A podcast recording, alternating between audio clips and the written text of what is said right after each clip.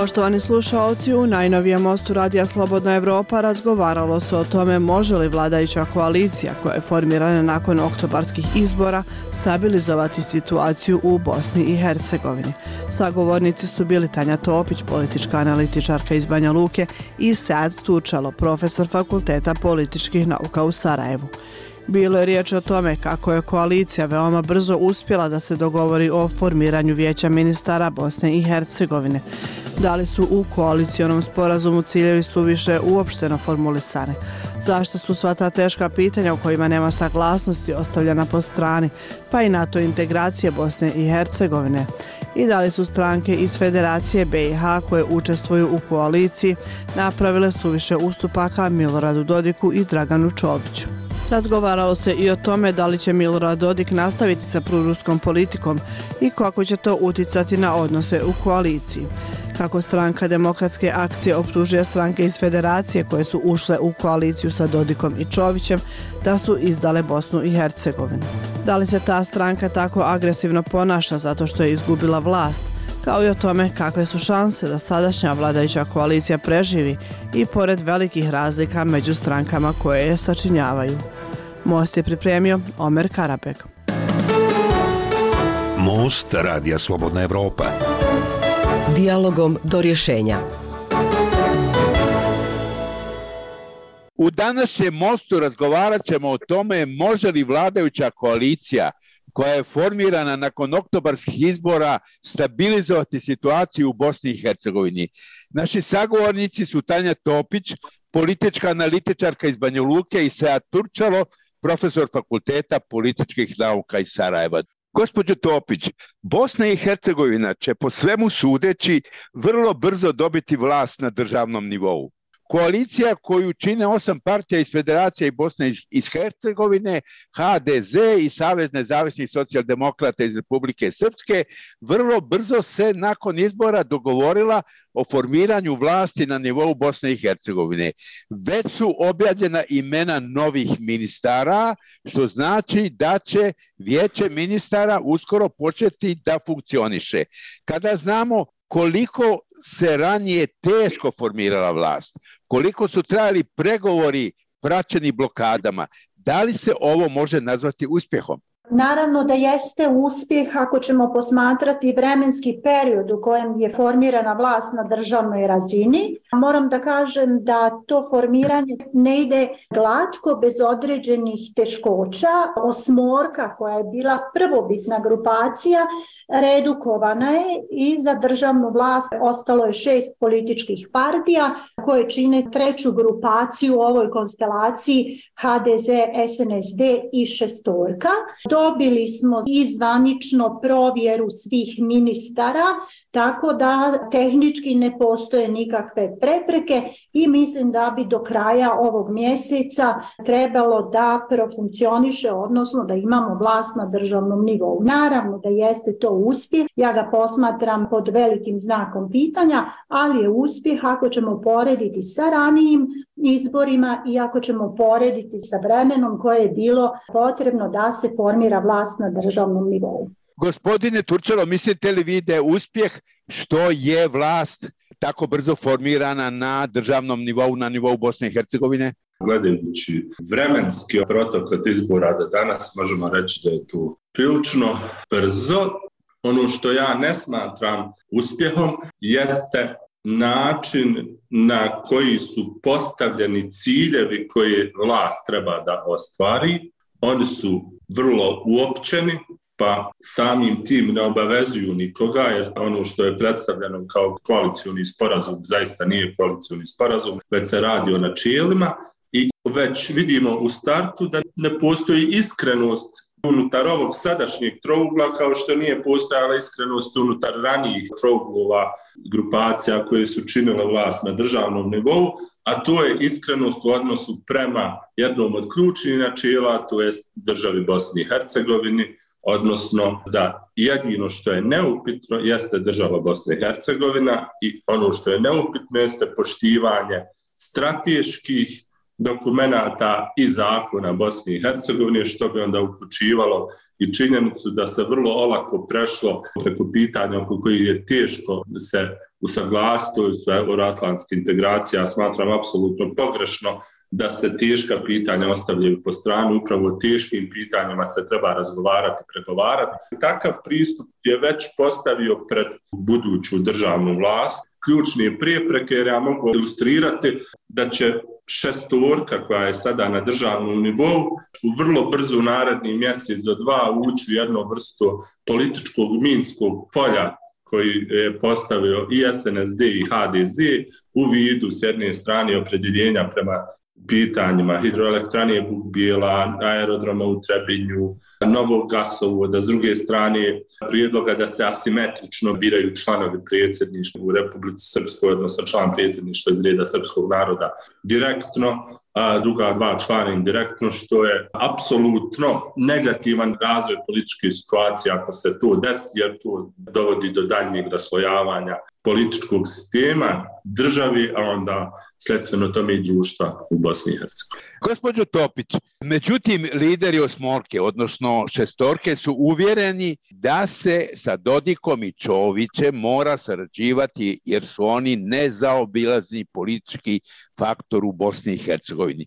Oni polaze od toga da se politika konfrontacija mora zamijeniti politikom kompromisa. Vjerujete li vi da je to moguće i da je to pravi put?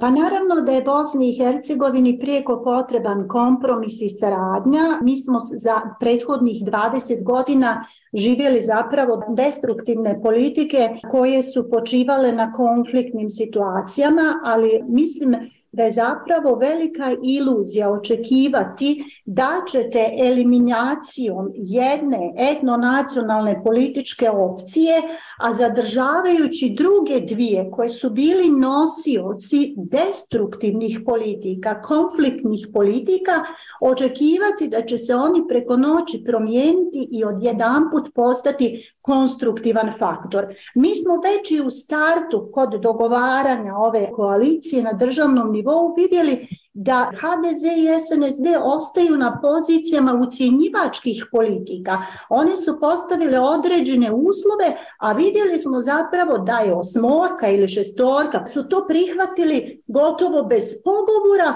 uz vrlo, vrlo površan izgovor da će se teške teme ostaviti po strani. Znači li to zapravo da mi ostavljajući po strani te teške teme, tačke sporenja, već naprijed možemo računati da su nam i naredne četiri godine izgubljene. Meni se čini da su i HDZ i SNSD ostale na svojim isključivim politikama. Te isključive politike su do sada bile tačke razdora, a sa takvim polazištima meni lično je teško povjerovati da možemo očekivati jednu konstruktivnu atmosferu i spremnost na kompromis. Gospodine Turčalo, mislite li vi da je moguće da sa ovom novom vlašću politika kompromisa zamijeni politiku konfrontacija? Mi smo već neposredno nakon izbora imali sve indikatore da se niti politika SNSD, niti HDZ nije promijenila, da su stranke okupljene oko SDP-a, tako ću ih nazivati, pristale na već prvi korak koji je bio ucjenjivački i koji je trebao u suštini da testira da li su one spremne zaista da uđu u konfrontaciju ukoliko neki stavovi e, odudaraju od njihovih principa. Već su tu izgubile pristankom da osobu koja je na crnoj listi Sjedinjeni američkih država imenuju rukovodstvo parlamenta. Dakle, ne kompromis, nego koncesije. Ono što ja od početka govorim jeste da mi kod tih stranaka nedostala je jasna artikulacija nakon svih poteza koje je SNSD uradio nakon izbora da jasno stavi do znanja da je SNSD u ovom trenutku takav i sa takvim potezima koji uključuju i davanje ordena Vladimiru Putinu koji u ovom trenutku vrši agresiju na jednu suverenu državu i lično je odgovoran ubojstva hiljada Ukrajinaca, davanje ordena tako osobi da oni kažu SNSD je opozicija državi Bosni i Hercegovini jer se tako ponaša. SNSD je opozicija evropskoj ideji koju zagovaramo tek na tako jasnim stavovima stranke okupljene oko SDP bi stvarno pokazale drugačiji karakter svoje politike. Bojim se da će u tom jednom sandviču između SNSD-a i HDZ-a one biti dugoročno na gubitku, a dugoročno će na gubitku biti i država Bosna i Hercegovina. Tako da kompromis je sveden na koncesije i ustupke. Poštovani slušalci, pratite Most Radija Slobodna Evropa u kome se razgovara o tome može li vladajuća koalicija koja je formirana nakon oktobarskih izbora stabilizovati situaciju u Bosni i Hercegovini. Sagovornici su Sead Turčalo, profesor Fakulteta političkih nauka u Sarajevu i Tanja Topić, politička analitičarka iz Banja Luke. Voditelj je Omer Karabeg. Gospodin Topić, da li će glavna prepreka funkcionisanju koalicije biti Dodikov odnos prema Rusiji i NATO paktu? Da su počeli pregovori o formiranju vlasti na državnoj razini, kada je najprije potpisan sporazum između Smorke i HDZ-a, jedno od načela u tom sporazumu, i to prvo, bilo je euroatlantske integracije Bosne i Hercegovine. Kada je došlo do potpisivanja i ove treće grupacije, odnosno SNSD-a i njegovih koalicijonih partnera iz Republike Srpske, negdje na putu do SNSD-a izgubili smo NATO integraciju i NATO reforme, I vidjeli smo da su se svi partneri, uključujući i famoznu osmorku, usaglasili da se to svede i redukuje samo na evropske integracije. Mi ovih dana također svjedočimo potpuno različitim stajalištima vezano za NATO, gdje smo vidjeli boravak Denisa Bečirevića u Briselu, koji je iskazao jasno opredjeljenje za NATO integraciju i NATO reformu Bosne i Hercegovine, gdje smo dobili vrlo oštre odgovore iz reda SNSD-a koji su rekli da je to njegovo privatno stajalište i da zapravo o tome neće biti ni govora izbora. Ono što je zanimljivo napomenuti, nismo vidjeli zapravo nikakve reakcije koje su dolazile iz grupacije osmorke, odnosno šestorke i da oni nisu zapravo htjeli ulaziti u tu tačku sporenja, pri čemu Dodik ostaje vrlo jasno na svojim pozicijama. Ono što je meni zanimljivo jeste ta fasciniranost Dodikom, iz pojedinih političkih partija, prevashodno iz federacije, postoji me preko noći prihvatljiv, kooperativan. E, mi smo danas čuli Fortu koji kaže da SNSD opredjeljen i usmjeren ka integraciji ka Evropskoj uniji i da će bez ikakvih problema raditi sve reforme, a onda imamo Milorada Dodika koji odlikuje Putina i vrlo jasno se opredjeljuje i bira stranu. Gospodine Turčelo, mislite li da će glavne prepreke za funkcionisanje koalicije biti Dodiko odnos prema Rusiji i NATO paktu? Ovdje je vrlo znakovito ponašanje međunarodne zajednice. Ovo je prvi put nakon 2002. godine formiranja alijanse za promjene da ovako imamo snažan, vrlo otvoren upliv međunarodne zajednice u formiranje vlasti. Pri tome međunarodna zajednica je najprije pokušala da napravi jednu vrstu bošnjačko-hrvatskog, tako da kažemo, dogovora na bazi sličnosti iz Washingtona, kada to nije uspjelo zbog srastanja SNSD, HDZ pa i pomoći zvaničnog Zagreba, onda se odlučilo da se ide u eliminaciju samo jedne političke opcije, ali je podrška pružena zapravo političkoj opciji koja apsolutno u vrijednostnom, strateškom i svakom drugom smislu oponira i interesima Bosne i Hercegovine i same međunarodne zajednice kroz jednu otvorenu podršku Putinu, kroz samu činjenicu da SNSD jako insistira na plinovodu kojim bi se Bosna i Hercegovina dodatno učinila ovisnim kada je riječ o snadjevanju prirodnim gasom od Ruske federacije u trenucima kada cijelokupna evropska unija radi i djeluje u suprotnom pravcu, političke opcije koja na dnevnoj osnovi propituje postojanje Bosne i Hercegovine. Ključno pitanje oko kojeg će doći i mora doći do tačke trvenja jeste da li tri politička aktera koji su udružili na državnom nivou radi vršenja vlasti imaju konsenzus oko Bosne i Hercegovine.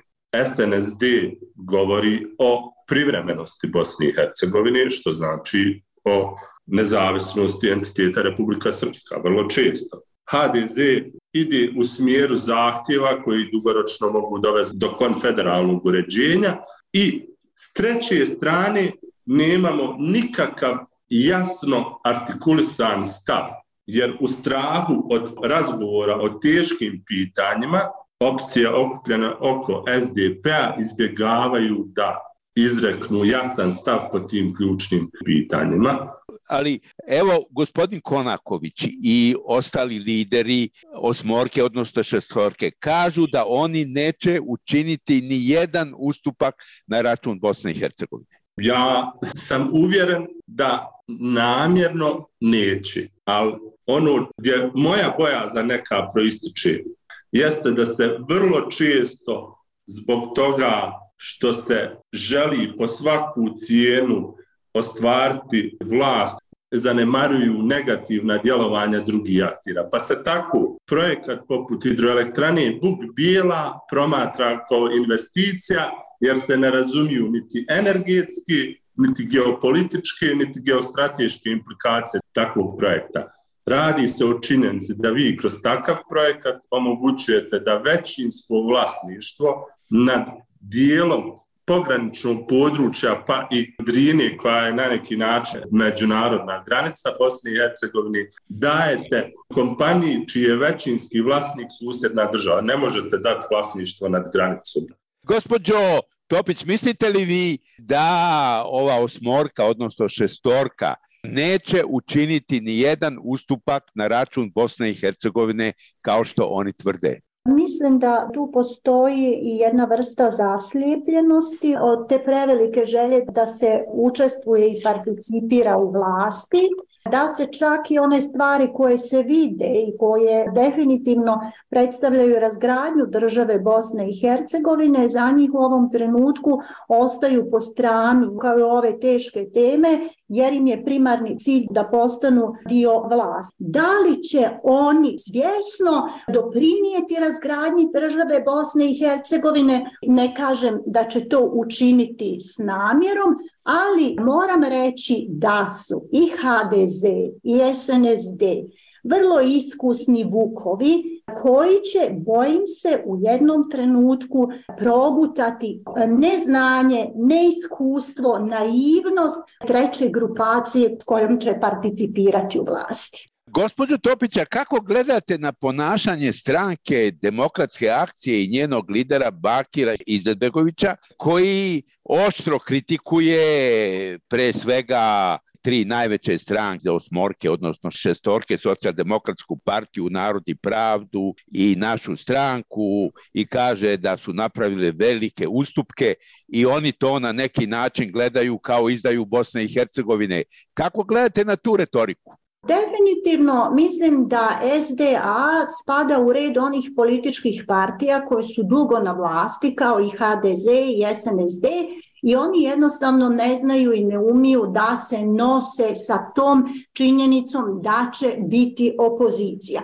To je ta, rekla bih, jedna vrsta autističnosti, odnosno jednoumna partijskog u ove tri etničke grupacije gdje ste smatralo i mislilo da ste vi jedina partija partija koja nosi prefiks patriotske partije i koja treba da vlada od sada pa do vječnosti. Teško se je pomiriti sa gubitkom vlasti, znate šta to znači, koliko se sinekura gubi, koliko se gubi pozicija, koliko će biti smijenjenih osoba, a to su partije, znači govorimo o ove tri etno-nacionalne partije koje su do sada vladale, koje su pod svojom kontrolom držale i drže ove dvije i danas, apsolutno sve taj poraz i tu vrstu suočavanja teško je podnijeti.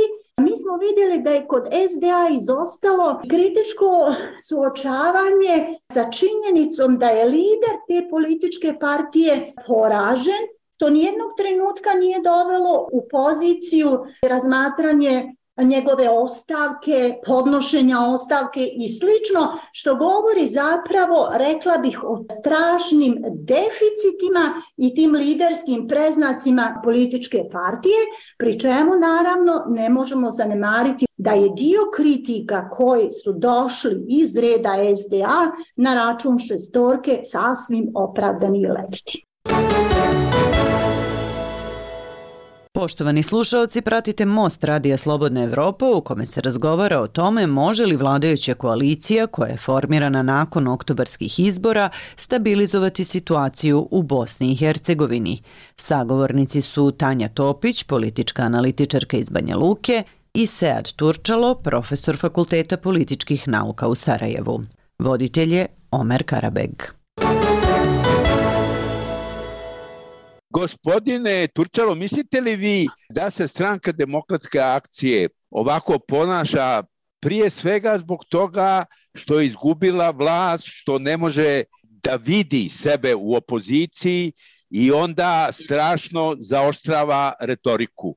Pa se onda pominju riječi izdaja, pa pogledajte društvene mreže na šta liče. Kako vi na to gledate? To treba promatrati iz dvije perspektive. Jedna je perspektiva da SDA sebi doživljava i dalje, kad govorimo o broju glasova, kao pobjednika i smatra da odlazak u opoziciju jeste nanošenje nepravde tom glasačkom tijelu.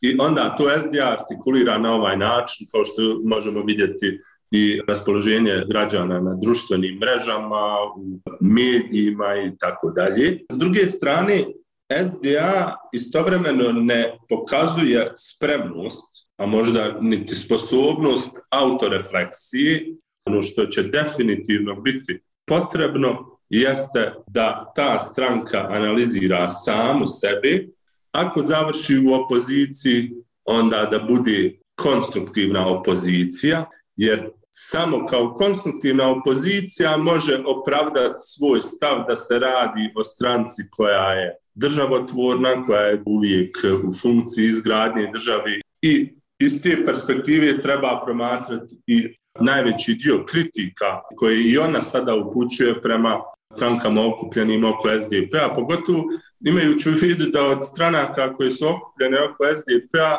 pored SDP-a imamo našu stranku koja ima neku autentičnu ideologiju, sve ostale stranke su nastale kao stranke osnovane od eh, vodećih ljudi SDA, ljudi koji su se socijalizirale unutar SDA i od kojih teško možemo očekivati bilo kakav drugačiji pristup politici. Gospodine Turčalo, ali meni se čini da je problem ove kritike koju stranka demokratske akcije upućuje osmorci i šestorci u tome što se oni postavljaju kao jedina patriotska stranka i ko nije s njima nisu patriote. Pa mislim da je to ta vrsta stava koji proizilazi iz toga kao mi smo stranka koja je nastala kao prva u periodu uspostavi više stranačija, u smislu prva stranka koja je artikulirala stavove većine bošnjaka. I da SDA i danas sebi promatra iz te perspektive, pogotovo imajući u vidu da kao zbrojimo broj glasova, da je zaista pojedinačno stranka koja je dobila najveći broj glasova i da sebi smatra na neki način legitimnim, a u velikoj mjeri sebi priskrbljuje sama pravo da je ekskluzivni predstavnik Mislim da upravo u tom domenu leži taj prostor gdje bi SDA trebala reflektirati o samoj sebi i pogotovo reflektirati o tome zbog čega je izgubila koalicioni potencijal koji je bio enorman u nekim prijedodnim periodima. Dok ne bude te vrste refleksije, vrlo teško se može očekivati neka stvarna obnova političke energije SDA, Gospodin Topić, mislite li vi da je problem, a to se vidi na društvenim mrežama u posljednje vreme, jaka antizapadna retorika? koja bez obzira na nezadovoljstvo potezima zapadnih ambasada na izvestan način prevazilazi u stvari to nezadovoljstvo. Čini li vam se da je to malo pretjerano? Ja bih rekla da ima jako puno paradoksalnosti u ponašanju naših političkih lidera, ali isto tako i javnosti.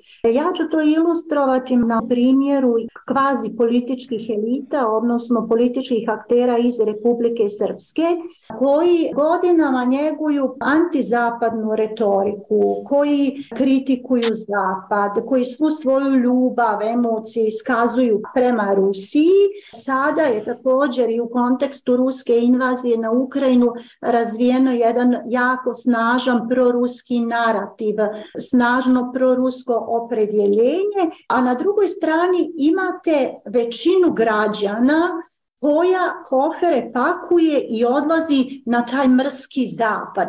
Šalje ogroman novac ovdje građanima koji kritikuju taj isti zapad, ali nisu gadljivi na novac. Mislim da mi zapravo imamo generalno u Bosni i Hercegovini jedan vrlo jednostran pristup. Mi smo skloni glorifikovati i prikloniti se zemljama zapada do onog trenutka dok njihova retorika, njihovi interesi podupiru naša politička stajališta. Onog trenutka kada dođe neki drugačiji ton, neka drugačija kazna, onda se sva mržnja usmjeri ka zapadu. Gospodine Turčalo, mislite li da u federaciji trenutno jača antizapadna retorika? Ta antizapadna retorika je jako prisutna. Proizvedena je nekim osjećajem da su međunarodni akteri i ured visokog predstavnika, naročito strane ambasade, za cjelokupne zastoje državi Bosni i Hercegovini praktično optužile ili odgovornost prebacile na jednu političkog aktera, u ovom slučaju radi se o stranci demokratske akcije, da su potpuno zanemarile sve ono što je SNSD radio svi ovih godina, da je u suštini međunarodna zajednica odustala potpuno od bilo kakve ideje Bosne i Hercegovine, izuziv Bosne i Hercegovine, opkovani dejtonskom etnonacionalističkom strukturom. Sve to je na neki način počelo proizvoditi s jedne strane jednu vrstu euroskepticizma, s druge strane jednu vrstu nepravdi koja se dodatno politički artikulira i zaoštrava, pa čak i među, da tako kažemo, onima koji se podržavaju umjerene političke opcije, raste broj onih koji su nezadovoljni ovakvim ponašanjem međunarodne zajednice. I tu govorim zaista iz perspektive nekog građanina koji ne može da razumije tu vrstu ponašanja međunarodne zajednice i takvu vrstu amnestiranja SNSD i HDZ od svake odgovornosti. Takvu vrstu relativizacije, amnestiranja može samo odvesti u jednom pogrešnom pravcu, a sva istraživanja javnog mnjenja su do sad pokazivala da kad se govori o onim koji se izjašnjavaju kao bošnjaci ili bosanci, da je tu najveća podrška i evropskim integracijama i NATO integracijama i generalno zapadnoj politici. Bojim se da bi ako bi za dvije, tri godine radili ponovo ta istraživanja, da će taj broj opadati upravo zbog tog nekog osjećaja nepravde. U zaključku, ukratko, gospođo Topić, mislite li da će preživjeti ova koalicija? Neće. Ona će živjeti neko vrijeme, ali sasvim sigurna sam da neće preživjeti mandat od četiri godine. Gospodine Turčalo, po vama, da li će preživjeti ova koalicija? Ono što bi ja mogao reći, da ćemo imati jednu vrstu kliničke smrt koalicije. Onog trenutka kada stranke okupljene oko SDP-a prestanu da pristaju na ucijene, tada ćemo imati prvi otvoren sukob i vjerovatno prvi blokada, na to nećemo dugo čekati. Ako se sažete, ja bi sada završio ovaj razgovor. Hvala gospodine Turčalo. Hvala vama. Hvala gospođo Topić. Hvala. Bio je to most u kome su naši sagovornici bili Seja Turčalo, profesor fakulteta političkih nauka u Sarajevu i Tanja Topić, politička analitičarka iz Banja Luke. Posrednik u razgovoru bio je Omer Karabeg. To bi bilo sve u ovom izdanju programa Radija Slobodna Evropa. Ostanite i dalje sa nama. Sve aktualne informacije možete pratiti na našem sajtu slobodnaevropa.org kao i na našim društvenim mrežama Facebooku, Twitteru, Instagramu i YouTubeu. Nove epizode naših podcasta pronađite na Spotify, Google podcastima i iTunesu. Lijep pozdrav, do narednog slušanja.